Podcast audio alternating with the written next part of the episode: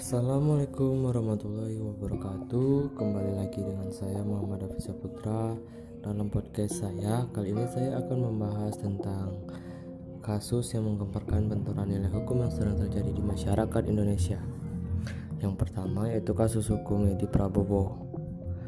Edi Prabowo merupakan mantan Menteri Kelautan dan Perikanan dan Edi Prabowo ditahan karena dugaan kasus suap benur atau bisa disingkat dengan benih lobster.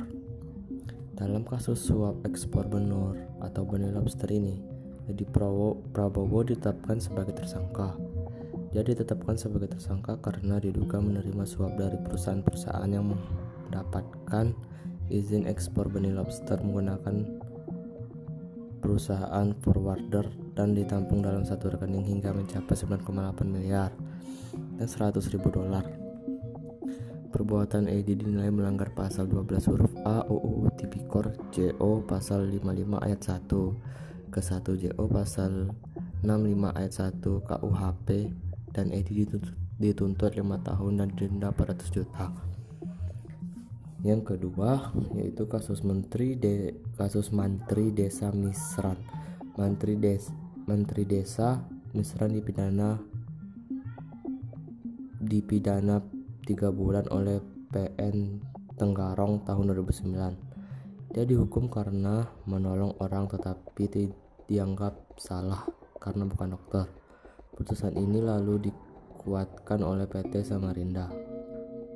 Beberapa waktu setelah itu, akibat putusan pengadilan ini, 8 menteri memohon keadilan ke Mahkamah Konstitusi karena didiskriminasi oleh UU Kesehatan lantas MK mengabulkan permohonan Misran pada 27 Juni 2011. MK menilai pasal 108 ayat 1 UU nomor 36 2009 bertentangan dengan Undang-Undang 1945. Yang ketiga itu kasus korupsi Asabri. Saat ini, Kejaksaan Agung sedang menangani kasus korupsi di PT Asabri Persero. Nilai korupsinya ditaksir mencapai 23,7 triliun dan menjadi skandal korupsi terbesar di Indonesia.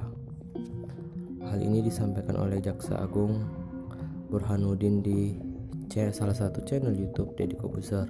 Setidaknya ada 8 tersangka dalam kasus ini. Kasus Asabri tersebut merupakan kasus ter korupsi terbesar di Indonesia dan terbanyak. Sekian dari penjelasan dari saya. Apabila ada kesalahan dan kekurangan.